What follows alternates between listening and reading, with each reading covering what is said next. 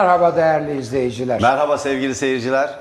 Değerli izleyiciler, e, silkelenmiş bir e, silkelenmiş bir izleyici kitlesi, bir nüfus olarak nasılsınız demeyeceğim. Çünkü herhalde çok kızgınsınız.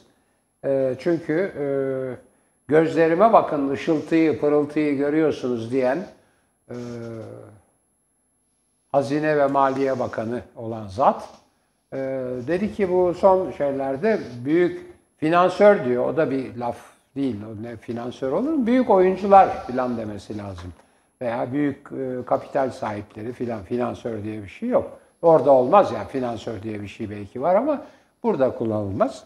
Yani borsada veya döviz e, muamelelerinde, bankacılıkta, para alışverişlerinde büyük parayla oynayanlar onlar. Büyük sermaye sahipleri filan denir. Finansör nereden, nereden uydurmuşsa o sözü neyse. Hadi onu görmezden gelelim. Diyor ki onlar zaten diyor bu inişleri çıkışları iyi bilirler. Tabii kendi kolladıkları var. Değil mi? Esas Evet, onları hocam. söylüyor. Yani şimdi onlar ne yaptı denecek. E onlar büyük finansördü. Onlar biliyorlardı bunu diyecek. Onlar gördüler. Ama diyor küçük tasarruf sahipleri diyor zarar ettiler. Yani hepinizi silkelemişler. Şimdi e, size biraz kendimden bir küçük tepki vereyim. Dün e, ana haber bülteni derhal tabii Tele1 böyle şeyleri atlamaz. Evren Özalkuş 3.65'ten Deniz e, Yavuz Yılmaz'ın 3.65'ten dolar satıldığı haberini verdi. Ben 18 dakika için geldim derhal arkadaşları başta e, Merdan Bey olmak kaydıyla Evren filan hepsine ya dedim bu inanılır gibi değil bu akıl almaz. Yani 18 e, lira e, değerinde bir doları 3.65'e kimse satamaz. Satarsa bu bu suçtur. Yani böyle bir şey hem mümkün değildir hem akıl dışıdır hem yani olmaz böyle şey. Bir, bir, bakın filan diye bir uyardım. Dediler ki yok şey kaynak belli. Yavuz Deniz Yılmaz. E, Deniz Yavuz Yılmaz pardon. Deniz Yavuz Yılmaz. CHP milletvekili. Zonguldak milletvekili Deniz Bey. Yavuz Yılmaz.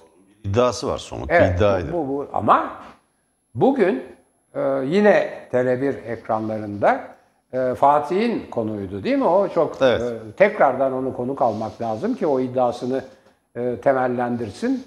Diyor ki İstanbul borsasının diyor kapa bildirimi var diyor. Kap dediği işte bu e, halka açık olan e, sermaye şirketlerinin anonim şirketleri ki İstanbul borsası da öyle bir e, yapıya sahip. E, aldıkları kararları işte hissedarlar değişikliklerini filan bildirmek zorunluluğu var. Tam borsa açıldığı sırada sabah saatlerinde birdenbire demiş ki yani doların e, aşağı e, limiti %10'dan %80'e indirilmesi önerildi demiş. Önce bir haber vermiş. O 16. dakikada mı ne? Ondan bir süre sonra da evet demiş. Yüzde, yüzde ondan yüzde seksene indirildi. Ya böyle bir şey olabilir mi? Yani bir hisse senedini veya bir dövizsi, bir yabancı parayı e, piyasa değerinden yüzde seksen eksiğine satmak üzere bir karar alınabilir mi? Bir borsada böyle bir karar alınabilir mi? Şimdi tabii bilmiyoruz. Ben ayrıntıları da bilmiyorum. Bana kalırsa bu bir suç ve bu yapılmamıştır inşallah. Böyle bir şey olamaz. Yani bu kadar aykırı bu, bu, bu mümkün değil böyle bir şey. Çünkü piyasa fiyatına göre işleyen bir sistem. İşte bakınız e, 20 20'sinde açıklandı kararlar. Ondan beri yani o gece pazartesi gecesidir, ayın 20'sidir pazartesi. O gece sabaha kadar 18 liradan sabah nihayet e, 11 hatta 10 liraya kadar indi. Ondan sonra gene e, Deniz Bey'in iddiasına göre e, birisi o arada bir, 1 milyar sonra da 1 milyar 750 milyon liralık ya pardon dolarlık alım yapmış. O alım yapınca bu hızlı iniş engellenmiş. Şaşırmışlar ne yapacaklarını. Onun üzerine %80'e indirmişler diye bir, bir hikaye anlatıyor. Bir bir iddiada bulunuyor. Yani küçümsemek için söylemedim. Yani bir bir öykü anlatıyor. Bir bir serüven anlatıyor. Bu dehşet verici bir şey. Bu çok net olarak bir yani böyle şey olmaz. Çünkü burada 20'si bugün ayın 24'ü 4 gündür insanlar e, ekranlarda Tele1 ekranı ekranı dahil e, profesörler, uzmanlar vesaireler diyorlar ki ya Bu çok zor bir operasyon. Yani deniyor ki hani devlet operasyon yaptı, Merkez Bankası operasyon yaptı filan. Anlatmaya çalışıyorlar. Diyorlar ki ya bugün işte şeyde o bir parti genel başkanı da konuştu çocuk. Ee, bu diyor fiyatlar diyor. Türkiye Partisi Evet, Genel Başkanı. şey, o düzgün bir çocuktur. Evet. Haydarbaşı'nın oğlu. Evet, evet. Babası da düzgün bir adamdı. Allah rahmet eylesin. Şimdi o da uzun uzun anlattı. Dedi ki ya bu dolar fiyatı, hisse senedi fiyatı filan öyle bir kurumun şuna sattım, bunu aldım demesiyle dedi bu kadar büyük e, dalgalanmalar göstermez. Bunlar e, piyasadaki binlerce belki milyonlarca küçük e, tasarruf sahibi, onların temsilcileri olan işte o broker dedikleri e, e, simsarlar vesaireler ve tabii birkaç tane de büyük e, sermayedarın, büyük oyuncunun kararlarıyla oluşur bunlar ve yani açık açıkta açıkta oluşur. Satacağını ilan edersin, sattığın anda o fiyat belirlenmiş olur. Alacağı bakan alıcı ona bakar bu satıştan alayım mı almayayım mı? Filan. Dediler bakın 3 lira 65 kuruştan yani bu kanıtlanmış olamaz bir ya. tabii. Yani bu böyle bir şey Açılış mümkün değil. şimdi yüksek 18 lira e, 18 lira 225 kuruş. Düşük en düşük seviyesi 3 lira 65 kuruş. 3 lira 65 kuruş piyasada satılmadığına göre dolar. Bunu kim sattı? Merkez Bankası. Kimin aldığına bakmak lazım. Bunu kimler aldı? 18 liradan kimler bozdurdu? Şimdi bilmiyoruz. Belki Merkez Bankası'ndan başka banka da aldı. Çünkü Şimdi Merkez Bankası bunu bankalara Hayır. veriyor. Ha, çünkü bir iddia daha var. Bunu aracı bankalara veriyor. Bu aracı bankalar kim? Öncelikle kamu bankaları ya da şeyle anlaşma yapmış, Merkez Bankası'nın anlaştığı özel bankalar. Evet. Yani şöyle bir şey. Bir arka kapı muamelesi var. Şimdi bakın değerli izleyiciler. Silkelenmiş olmak sizin e, mutlaka e, düşüncenizi, aklınızı, bilincinizi karartmamıştır. Şimdi son bir haftada veya iki haftada Merkez Bankası üç defa doların yükselişini önlemek için piyasaya müdahale etti değil mi? Yaklaşık 5 milyar dolar. Yani 1 bir, bir, bir milyar 750 bin e, dolar filan. 750 milyon dolar pardon. 2, 2 milyar dolar. Sonra tekrar 2 milyar dolar filan gibi 5-6 milyar arası bir şey. Hatta 7 milyar olduğu söyleniyor. Ve bunu ilan etti. Dedi ki ben şu gün şu saatten itibaren piyasaya müdahale etmeye başladım. Dolar satıyorum dedi. Görevi bu. Fakat iddia o ki dehşet verici bir şey. Bu duyulmamış bir şey ya. Böyle bir böyle bir yani so- bu soygundur. İnşallah yapmamışlardır. Arka kapıdan dolarları devlet bankalarına satıyor. Yapmışlar hocam. Vallahi inşallah yapmamışlardır. Ben hiç Yapmışlar. kimseyi bu çünkü çok Maalesef bu yapmışlar. suç. Bu suç. Bu bırakın ahlaksızlığı filan dolandırıcılığı bu suç. Yani inşallah İktidar geldiğinden beri suç işliyor zaten Evet hocam. neyse. Yani bu dehşet verici bir şey.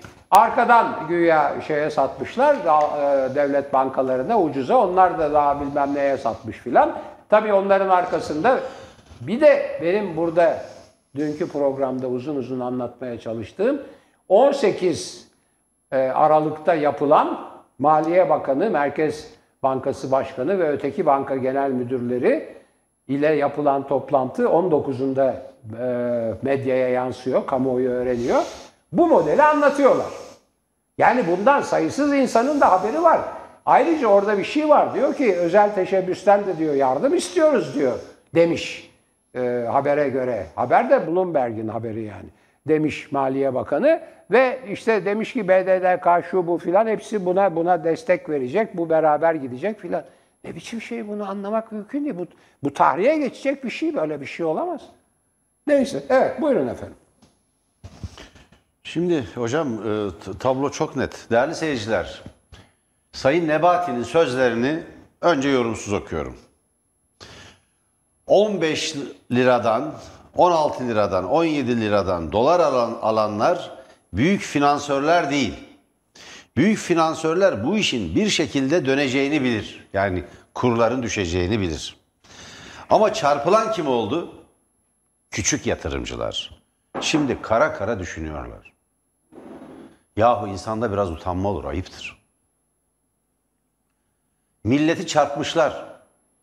Ben o sesi sevmediğim Halkı- için evet. Halkı soymuşlar. Evet, o öyle o Bunu itiraf ediyor. çarpılan diyor. Ne Bunu biçim? bunu itiraf ediyor. Ben bile- Bunu itiraf ediyor. Millete kumpas kurdular. Halkı soydular. Olay bu. Bir kumpas var burada. Millete bir mali kumpas kurdular. Arka kapıdan 3 lira 65 kuruştan dolar satıyorsunuz. Kamu bankaları ve anlaştığınız özel bankalar aracılığıyla. Kim alıyorsa bunu 18 liradan bozduruyor bankalar aracılığıyla. Ve bakan söylüyor. Diyor ki ya bunu büyük finansörler, o büyük finansörler ne demekse yani büyük para sahipleri demek istiyor. Evet, yanlış bir Yani para ama- babaları demek istiyor. Kim bunlar öncelikle? İktidar yanlıları. Oligarşi Türkiye'de halkı soydu. Dinci oligarşi, İslamcı oligarşi halkı soydu. Olay bundan ibaret. Piyasaları iyi gözlemleyen, dikkatli hareket eden kimi yatırımcılar da buradan paçayı kurtardı ama esas olarak, esas olarak bir kumpas, bir mali kumpas kur- kur- kurarak milleti bir haftada üç kere soydular. Dün anlattım. Önce mevduatını Türk lirasında tutanlar varlıklarının yarısını kaybetti. Yani 8 lira 30 kuruştan 17 liraya çıktı çünkü. iki katından fazla 18, değerlendi. 18'e 18. kadar geldi. Sonra bu insanları dolar almaya yönlendirdiler. Bakın bugün çok sayıda insan var. Bize WhatsApp'tan geliyor. Evimiz evini satıp dolara yatıranlar var ya varlığımız gidecek diye. 17 lira 18 liradan dolar almaya yönlendirdiler. Bir de öyle çarptılar. Sonra kur garantili Türk lirası mevduatı modeliyle tam bir soygun modelidir bu da. Milleti bir daha çarptılar. Bir daha soydular. Şimdi Nebati'nin sözlerini bir daha okuyorum. 15 liradan, 16 liradan, 17 liradan dolar alanlar büyük finansörler değil. Çünkü büyük finansörler bu işin bir şekilde döneceğini bilir. Yani kurların düşeceğini bilir. Ama çarpılan kim oldu? Küçük yatırımcılar. Şimdi kara kara düşünüyorlar. Şimdi bu sözün önü ve arkası da var. Haksızlık etmeyelim. Önü ve arkasını okuyalım. Sayın Nebati'nin o pırıldayan gözleri aslında pırıldamıyor. O gözler sanki dolmuş. Eğer bunu söylerse o gözler pırıldıyor olamaz. Bunu söyleyen. Eğer küçük yatırımcı çarpılmışsa, yani küçük yatırımcı soyulmuşsa, yani millet, bakın bu bir borsacı deyimidir, özür dileyerek kullanıyorum. Millet keriz yerine konulmuş ve silkelenmişse, senin gözlerin Sayın Bakan öyle parıldamaz. Senin gözlerin hüzünlü olmalıdır ve istifa etmelisin. Bu kumpasın bir parçası olarak buradan çağrı yapıyorum. Bakan istifa etmelidir ve savcılıklara suç duyurusunda bulunuyorum. Çünkü aleni olarak yapılan suç duyuruları da geçerlidir. Soruşturma açılmalıdır. Milleti kim soyduysa soruşturma açılmalıdır. Bu bir dava konusudur. Ben Halkın Kurtuluş Partisi'nden bu konuda zaten bir girişim olduğunu biliyorum. Evet, evet. Halkın Kurtuluş Partisi'nin bu işin arkasını bırakmaması lazım. Neden Halkın Kurtuluş Partisi? Çünkü hukuki alanda esaslı bir mücadele yürütüyorlar. Şimdi bakın, lafın önünün arkasına bakalım. Küçük yatırımcıya yazık oluyor diyor. Hakkını yemeyelim. 15 liradan, 16 liradan, 17 liradan dolar alanlar var. Kim bunlar? Büyük finansörler değil. Niye? Biliyorlar çünkü. Bütün altyapı yatırımlarını tamamlanmış bir ülkede tüm makro göstergelerin pozitif olduğu bir yerde, buralar yalan. Yani bu iktidar Ha, propagandası. tam tersi. Aklı başındaki bir finansör Türkiye'de bu işlemin bir şekilde döneceğini bilir. Ama çarpılan kim oldu? Küçük yatırımcılar. Her zaman olduğu gibi. Küçük yatırımcılara eziyet ediyorlar. Şimdi kara kara küçük yatırımcılar düşünüyorlar. Ne demek eziyet ediyorlar ya? Bu ülkede ekonomi yönetimi sizin elinizde. Ekonomi bürokrasisi sizin elinizde. Türk parasını dolara endeksleyen sizsiniz. Kur garantili mevduat hesabı modelini getiren de sizsiniz. Bilmiyor musunuz bu sonuçlara yol açacağını? Bir de gözümüzün içine bakıp timsah gözyaşları dökmeye çalışıyorsunuz. Ama sizin gözleriniz parıldıyor. Çünkü para yandaşlara, sizin takıma, oligarşiye, o beşli çetelere, ulemaya, tarikat şeyhlerine, yandaş iş adamlarına, para babalarına, spekülatörlere, bakın üreticiye, sanayiciye bile değil. Katma değer yaratan, yatırım yapan, üreten, istihdam yaratanlar da bu işten zarar gördü. Türkiye'nin üzerine çöreklenmiş bir oligarşi var. Dinci muhafazakar oligarşinin cebine aktı bu paralar. Bir de Sayın Bakan'a bakar mısınız ne diyor? Ama çarpılan kim oldu? Küçük yatırımcılar. Her zaman olduğu gibi. Küçük yatırımcılara eziyet ettiler. Lafa bak. Ay kıyamam ya size. Nasıl düzülmüşsünüz? Ama gözleriniz parıldıyor. Niye? Sanki bunu Marslılar yapmış hocam. Bunu Marslılar mı yaptı Sayın Bakan? Kim yaptı bunu? Ekonomiyi yöneten sizsiniz. Bakın bu bir itiraftır. Bu millet bak biz bir kumpas kurduk, milleti çarptılar itirafıdır.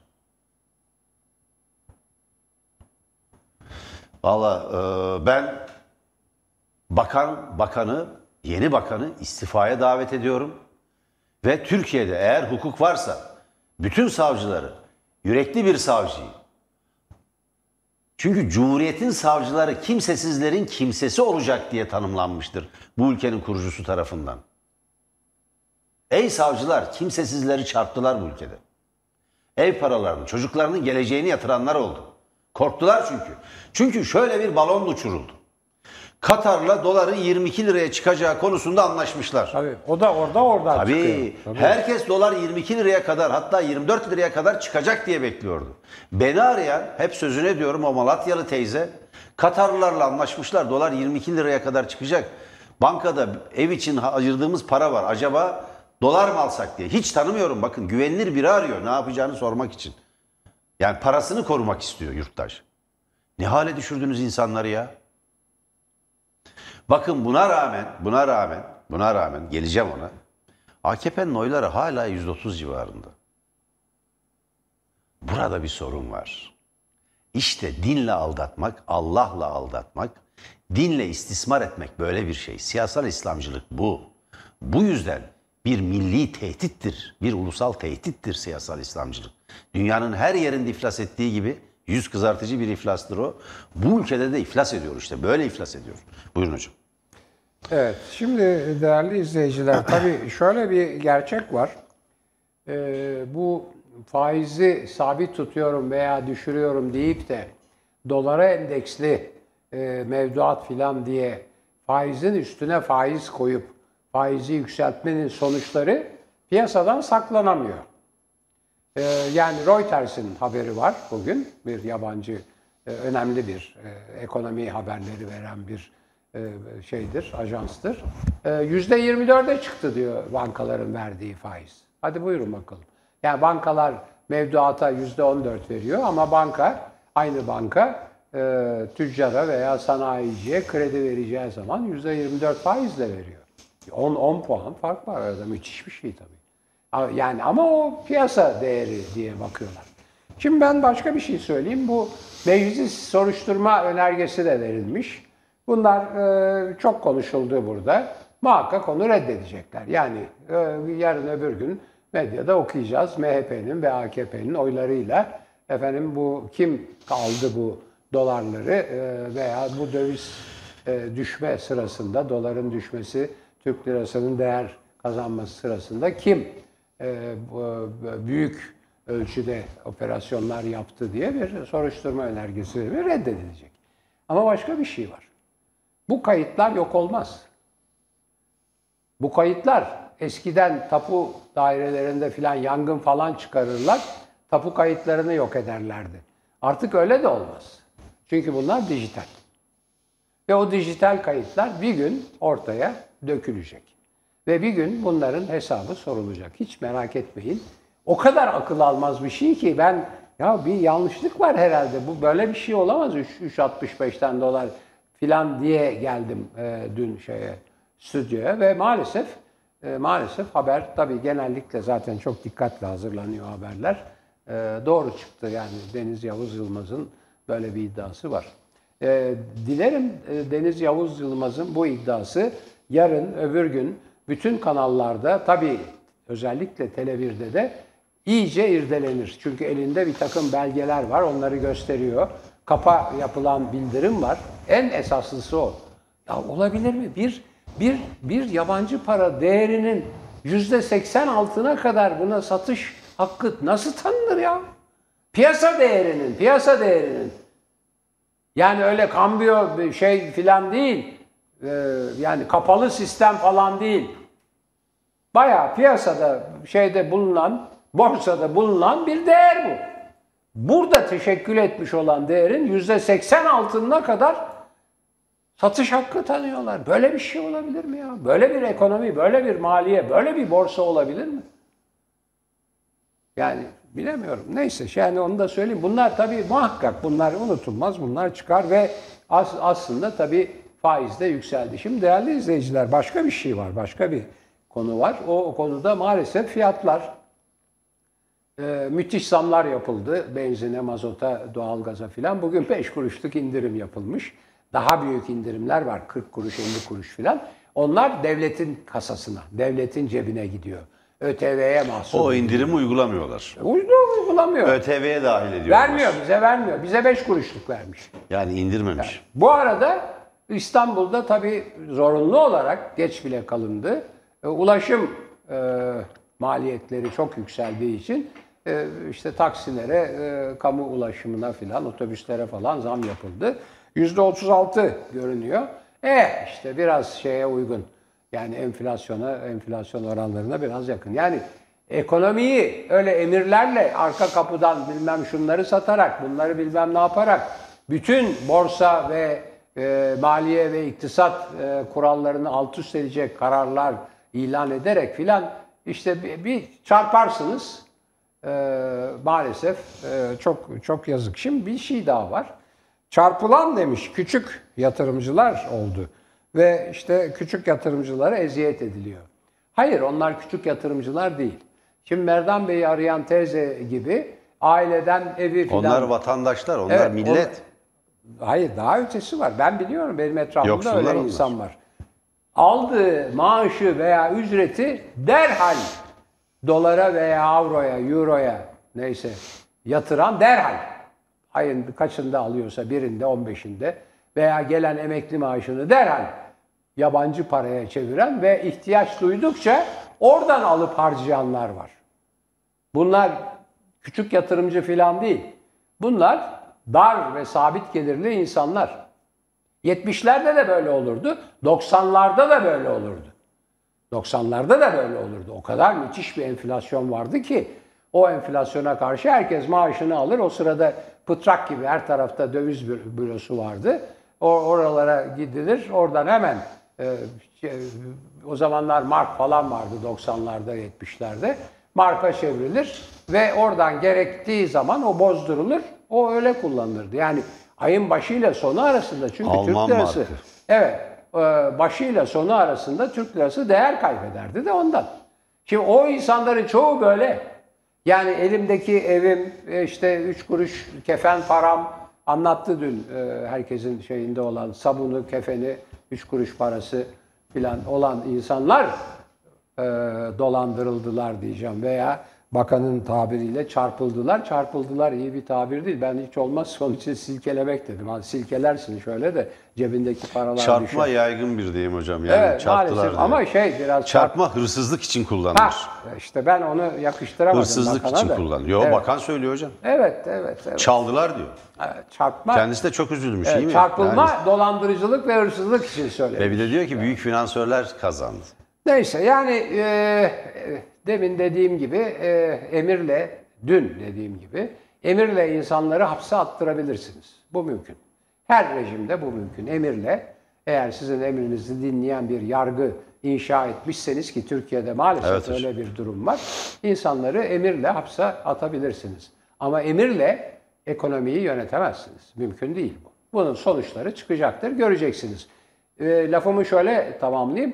Bu arada panikle herhangi bir alım satım gelirinizden veya servetinizden böyle e, çok hızlı alım satımlar yapmayın. Biraz bekleyin. Piyasalar bir süre sonra durulacak. Bunlar açığa çıkacak. Ondan sonra ne yapacaksanız yaparsınız. Buyurun efendim.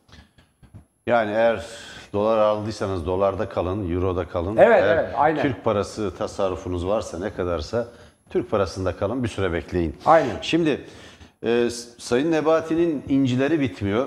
Yani e, söyleyerek bitiremiyoruz, tüketemiyoruz. Gündemi o kadar işgal etti ki başka konular da var. Onlara hızla geçeceğim değerli seyirciler ama şu 7 milyar dolar var ya arka kapıdan satıldığı ifade edilen o 3 lira 65 kuruştan. Bu satışı Sayın Nebati bunu da doğruladı. Sayın Nebati dolaylı bir şekilde itiraf ediyor. Millete kumpas kurulduğunu, milletin keriz yerine konularak silkelendiğini, kerizi tırnak içinde kullanıyorum ve yine affınıza sığınarak söylüyorum bunu. Borsacı züppelerin ifadesidir bu. Bir züppe ifadesidir. Bir borsacı züppe ifadesidir. Züppe kavramını da Türk Dil Kurumu'nda kullanılan anlamıyla kullanıyorum. Onu da belirteyim. O yüzden e, Sayın e, Nebati daha ağır bir deyimi kullanıyor. Silkeledi de değil. Çarptılar diyor yani çaldılar. Şimdi peki o 3 lira 65 kuruştan satılmış mı? O zaman aracı... Sayın Bakan gerçekten bunu doğruluyor. Diyor ki ben yükseltmedim borsa şeyi, dövizleri. Ben de düşürmedim. Piyasa kendi kendine oynuyor. Hadi ya. Öyle mi? Sayın Erdoğan konuştu çıktı, konuştu çıktı, konuştu çıktı. Sonra bir model açıkladı. Ucube bir model yine. Bakın hiçbir geçerliliği yok. Anlatacağım onu. Ne olacak biliyor musunuz değerli seyirciler? Döviz garantisi falan yok. Siz Türk lirasını dövize endeksli bir şekilde e, bankaya yatırdınız diyelim ki. Kur düştü. Paranızı çektiniz. Düşük para verecekler size. Yani Türk parasını da Türk parasının altına mesela bugün dolar yaklaşık 12 lira diyelim. 11 lira işte 70 kuruş civarında şu anda. Evet düşmüş 11 lira 53 kuruş.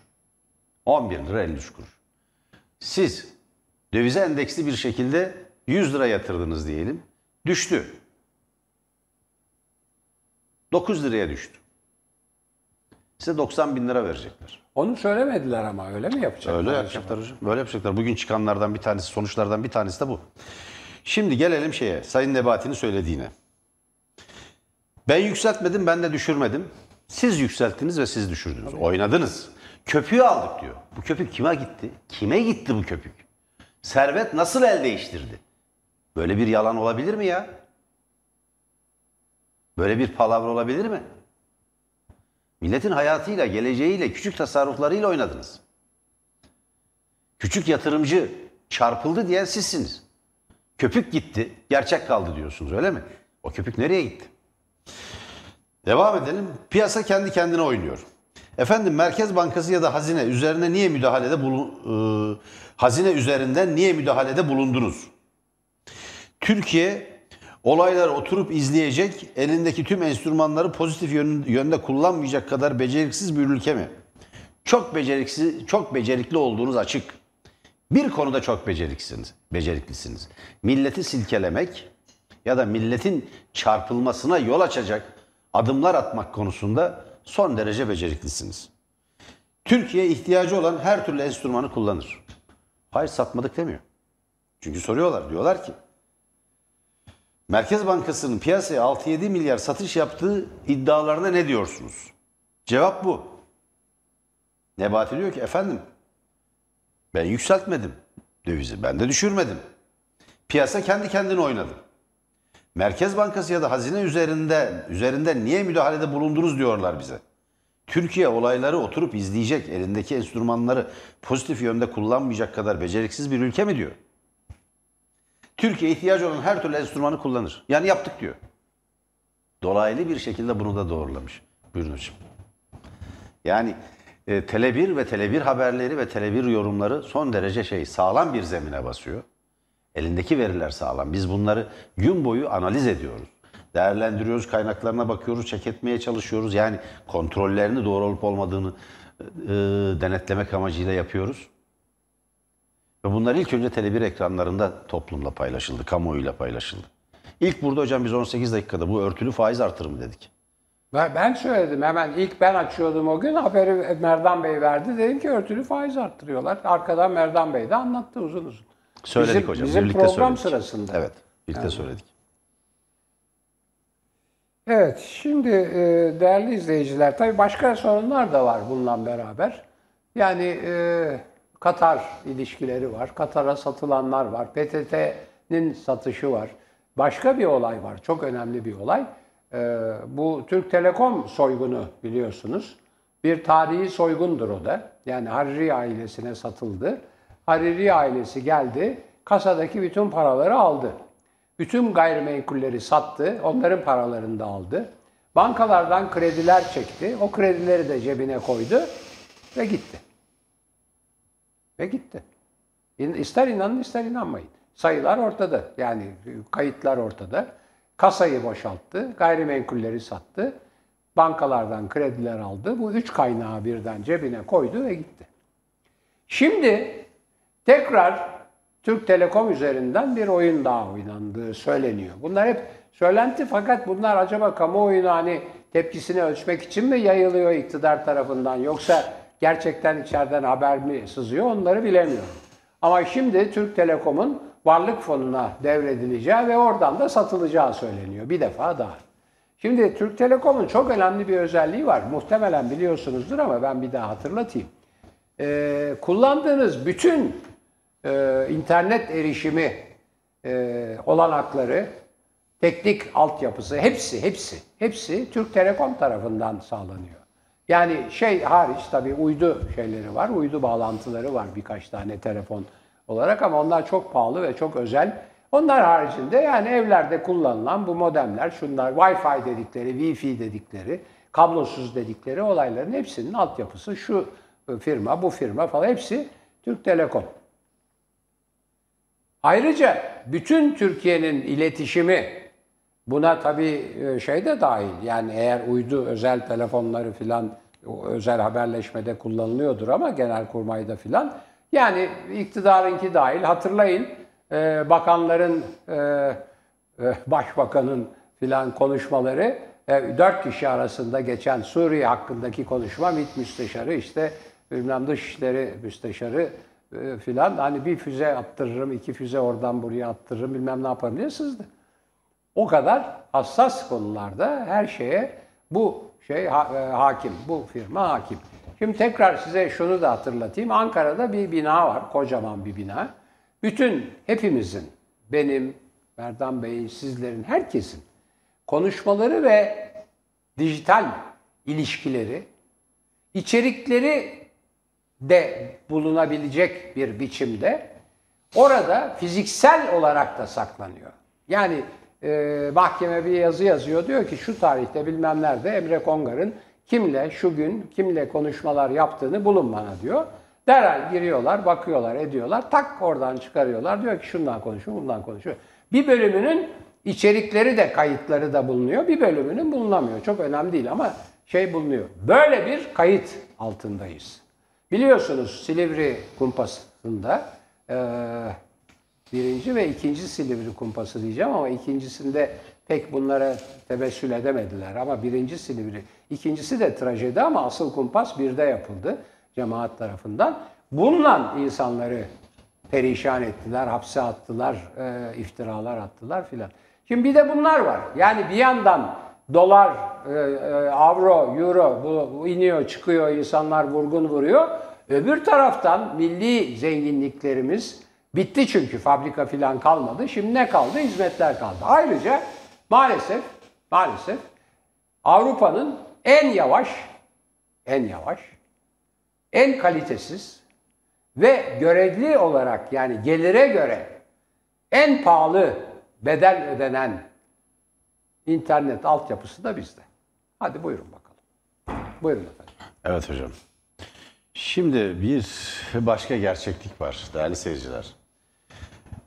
Biz diğer kanallardan, yayın organlarından farklı olarak halktan yana, toplumdan yana, vatandan yana, bu ulustan yana, insanlıktan yana, insanlığın ortak ve tarihsel değerleri adına bir yayıncılık yapıyoruz. Sadakatimiz bizim gerçeğe. Gerçeğe ulaşmak ve gerçeği öğrenmek isteyenler e, Tele1'i, Tele1 gibi yayın organlarını izlemek durumunda. Fakat biz büyük baskılara göğüs gererek, onlarla mücadele ederek bu yayınları yapıyoruz. Bugün İlhan Taşçı, RÜTÜK üyesi, radyo, televizyon üst kurulunun üyesi. Yani orada e, basın ve ifade özgürlüğünü savunan üç üyeden biri. Üç üye. Diğerleri iktidar yanlısı, MHP ve e, AKP ve MHP'li üyeler var. Onların kontenjanından rütüye gelen. Başkan Ebu Bekir Şahin de dahil buna. Bugün e, arkadaşlar belki ekrana da getirebilirler. E, bizim duvar e, ekranına getirebilirler. Yani Dijivole. Dijital duvar ekranına. Rütü'nün kestiği cezalar, sıkı durun değerli seyirciler. 2021 bitiyor.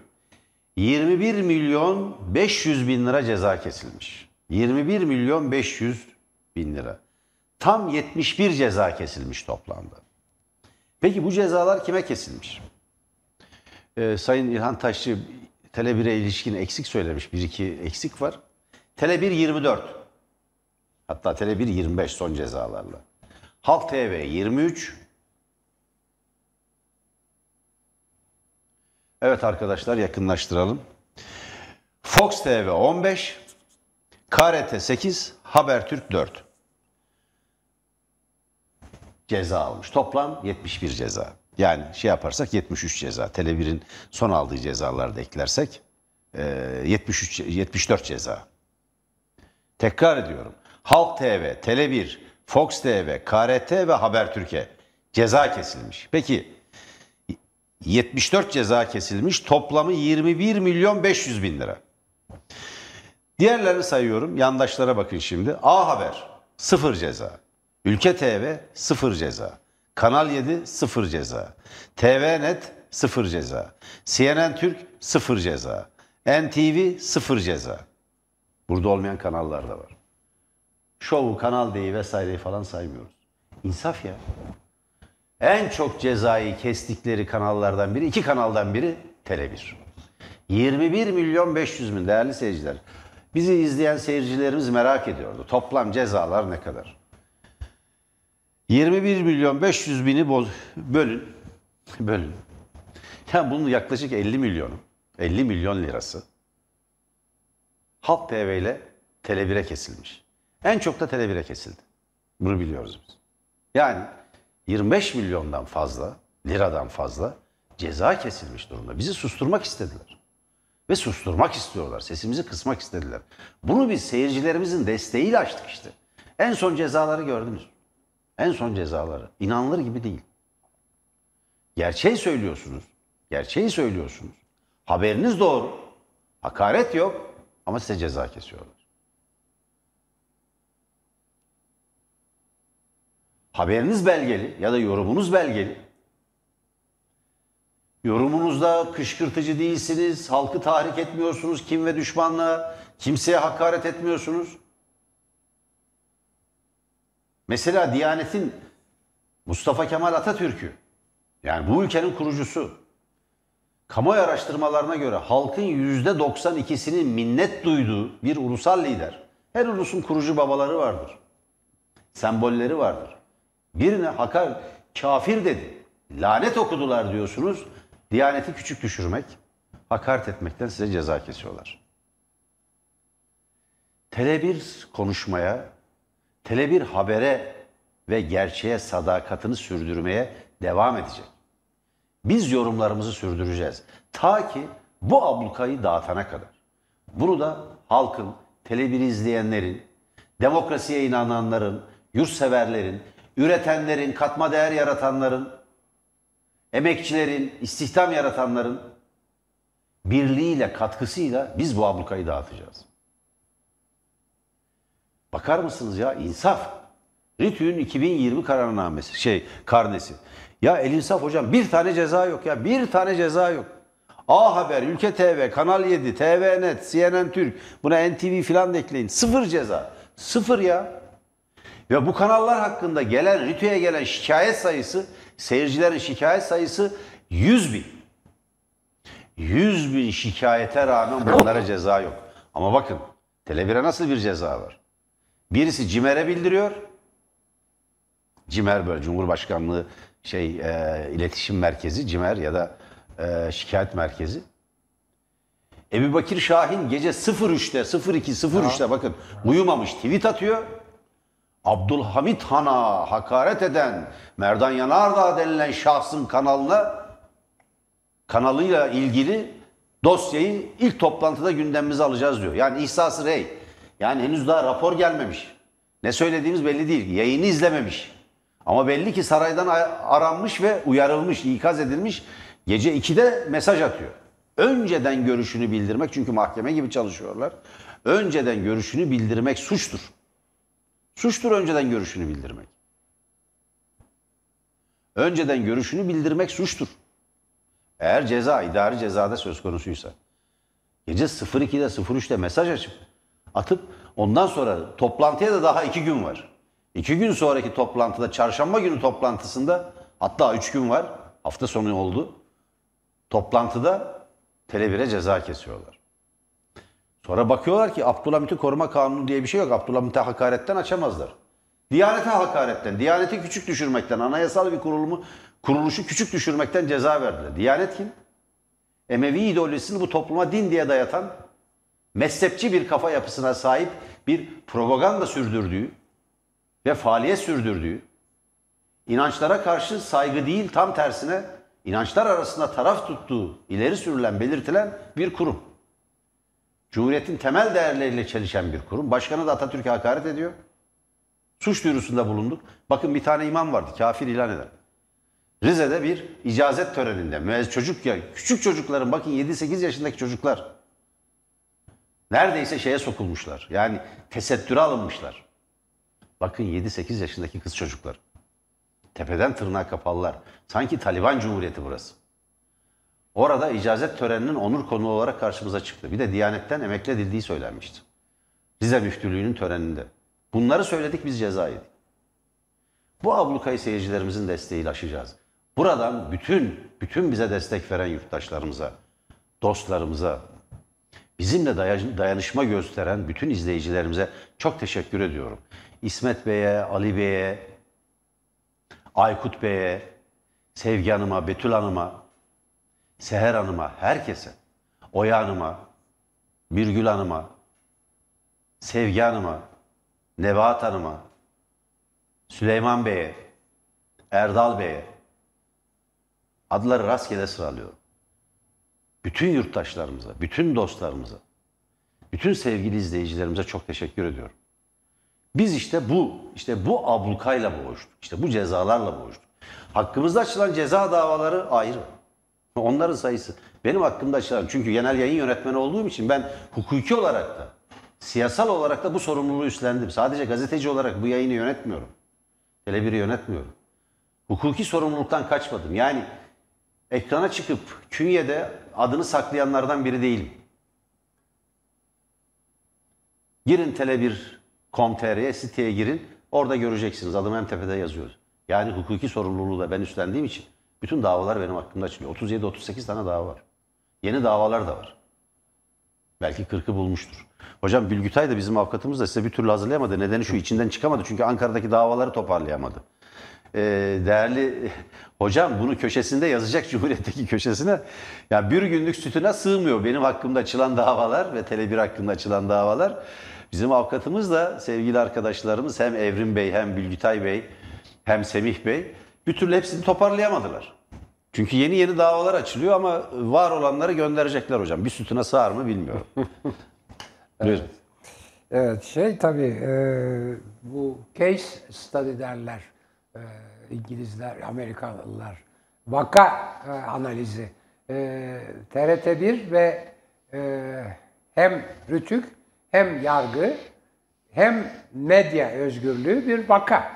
Yani ben eminim ki ileriki yıllarda Tele1 televizyonunun yaptığı yayın, siyasete yaptığı etki, e, programlar bazında belki çünkü elde veriler var. Gerçi onların ölçümleri de TÜİK ölçümleri gibi çünkü TÜİK'ten alıyorlarmış. Yani o da bir yani neyse kendilerini aklamaya çalışırken ya biz seçmiyoruz bunları TÜİK veriyor diyormuş. Ya TÜİK verdiği için zaten güvenilmez oluyordur. Yani çünkü TÜİK yüzde 60'a gelen şeyi e, enflasyonu yüzde 20 diye gösteriyor. Yüzde 33 daha aşağı gösteriyor filan. Yani bunların hepsi kayıtlı, kuyutlu şeyler. İleride bütün bunlar e, çözümlenecek, vaka olacak. Ben de o vesileyle yani bir televizyona öbür televizyonlara hiç ceza filan verilmez. Sıfır ya, evet, Tele1, göstermek. Tele1 bazında kaç dava açılmış? e, aslında belki şeyi de cezaları falan da miktar olarak yazmak lazım. Sonuçlananları da yazmak Evet, lazım. belki, Devam evet. edenleri değil Doğru. de. Ama çok neyse işte bir öyle bir vakaya Çok vaka, uzayacak. vaka analizine e, esas teşkil etsin diye. Şimdi bir iki başka çok önemli olay var. Bir tanesi demin söylediğim motorine 5 kuruş indirim yapıldı. Bir de aynı sırada onu ihmal etmeyelim. e, o da bir gerçek. E, LPG'ye yani likit e, gaza da 72 kuruş litre başında indirim yapılmış. Bunlar pompalara, pompaya yansımış. Yani LPG'de 72 kuruş, motorinde 5 kuruş. Ama asıl büyük indirimler ÖTV vergisi olarak devletin cebine malum. Şimdi bunu bel- belirtelim bir. İki, iktidarın en büyük marifeti belediyeleri, iki büyük belediye özellikle çalıştırmamak. Orada hem siyaset var, yani bunları ben başarısız göstereyim ki işte önümüzdeki seçimlerde e, CHP ve e, Millet İttifakı kazanamasın veya başarısız görülsün diye. Ama altında bir başka e, hesaplaşma daha var. Bir bir evet resmen hesaplaşma var. Çünkü hortumları kesildi. Bakınız sırf hortumların kesilmesiyle Ankara, İstanbul ve başka yani AKP'den alınan e, belediyelerde e, mucizeler yaratılıyor ya. Sırf hortumlar kesildiği için. O kadar muazzam bir para akışı yapmışlar ki yani belediyenin tesisleri yenilenmiyor, hizmetler yapılmıyor, ihaleler yürümüyor filan. Şimdi sadece o hortumlar kesildiği için bu yapılıyor. UKOME İstanbul'un trafik sorununu çözmek için e, İmamoğlu'nun yaptığı bütün çabaları engelliyor. Bugün nasılsa işte e, belki herhalde artık taksicilerden filan korktular. E, bir zammı kabul etmişler. Yüzde 36 civarında bir zam. Bir de e, ben burada söylemiştim bu Yeliz namıyla ma- maruf bir e, milletvekili var. Ben söylemiyorum. Kendisi kendisine o ismi koymuş. O halk ekmek satış e, e, merkezlerinin, satış birimlerinin önünde e, sıra yapan halk için demiş ki halk ekmek kuyrukları film çekmek ve fotoğraf çekmek için oluşturuluyor demiş. Bizim halkımız herhalde yani ekmek derdi filan bir yana çok meraklı Yeşilçam filmleri filan film çekeyim, fotoğrafta çıkayım diye e, halk ekmek satış noktaları önünde öyle şeyler oluşturuyorlar. E, gece gündüz orada bekliyorlar. Ne o evine işte 1-2 lira daha ucuza. Bayağı bir fark oldu çünkü. Müthiş işler yapıyorlar hem İstanbul'da hem Ankara'da. Hem İmamoğlu hem e, Yavaş. Evet hocam. Evet yani böyle de Evet. bir durum var. Şimdi e, bir hesabı e, doğru yapalım. 21 milyon 500 bin lira toplam ceza değerli seyirciler. Bunların yarısından fazlası iki kanala verilmiş durumda. 15, 14-15 milyon e, lirası. Yani Tele1'e buradan düşen pay yarıdan fazla. Yani 7-8 milyon lira sadece Tele1'e ceza kesilmiş. Yani 25 derken 50 derken 71 cezanın toplam yani 50'si yaklaşık 50'si iki kanala verilmiş dedim. Oradan bir 50 milyon anlaşılmasın. Burada bir şey belirteyim. Bir bu dolara endeksli yani kur garantili Türk lirası mevduatlarında eğer bozdurulursa, eğer kur düşmüşse eksik para verecekler dedik ya. Bunun tek bir şartı var. Vadesinden önce bozulursa böyle olacak. Onu düzeltelim. Yani onu o ayrıntıyı belirtelim. Evet. Vadesinden önce bozulursa diyelim ki paranı 100 bin lirayı yatırdınız. 3 aylık e, vadeye ile yatırdınız. İkinci ayın sonunda ihtiyacınız oldu, bozdurdunuz. O arada kur düşmüş. Size parayı hem faiz hiç vermedikleri gibi eksik para verecekler. Olay o. Şimdi bir de şunla bitirelim. E, direnen bürokratların da yani arka kapıdan 3 lira 65 kuruştan direnen bürokratların da görevden alındığı belirtiliyor. Bu da önemli bir iddia. Aa, ben onu Önemli bir duymadım. adı- Evet. Direnen bürokratların görevden alındığı iddia ediliyor. Biz bunu araştırıyoruz. Ee, önümüzdeki günlerde fazla geç değil yani yarın ya da öbür gün biz buradaki tabloyu sizinle paylaşırız. Biz bu habere ulaşırız. Direnen bürokratların görevden alındığı belirtiliyor. Yani bu bir siyasi operasyon, siyasi iktidarın bir operasyonu. Siyasi iktidarın, AKP iktidarının millete kurduğu bir kumpaz ve küçük yatırımcı yani vatandaşı yani halkı da bu kumpasın sonucunda çarptılar. Olay bundan ibaret. Değerli seyirciler bizden hemen sonra e, bugün Arena Günü. Doğan e, çok önemli bir e, gün. Doğuda, güneydoğuda bir şehrimiz, daha doğrusu güneyde bir şehrimizde, büyük bir şehrimizde, Mersin'de olacak Uğur Dündar. E, Mersin e, Mezitli Belediyesi'nin e, kültür merkezinin bir e, salonunda e, Demokrasi Arenası programı yapılacak. Güneyden, Akdeniz'den seslenecek bugün Demokrasi Arenası. Bugün Uğur Dündar günü.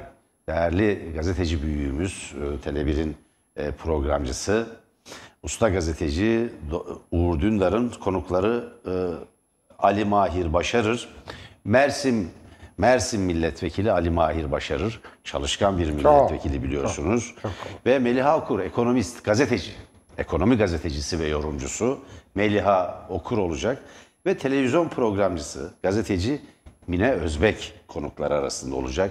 Yine bölgenin belediye başkanları e, Uğur Dündar'la birlikte olacak. Tam saat 21'de demokrasi aranasını kaçırmayın. Tele1'den ayrılmayın. Herkese iyi bir hafta sonu diliyorum. Hoşçakalın. Evet paniklemeyin. Şerefinize, haysiyetinize, sağlığınıza ve paranıza sahip olun.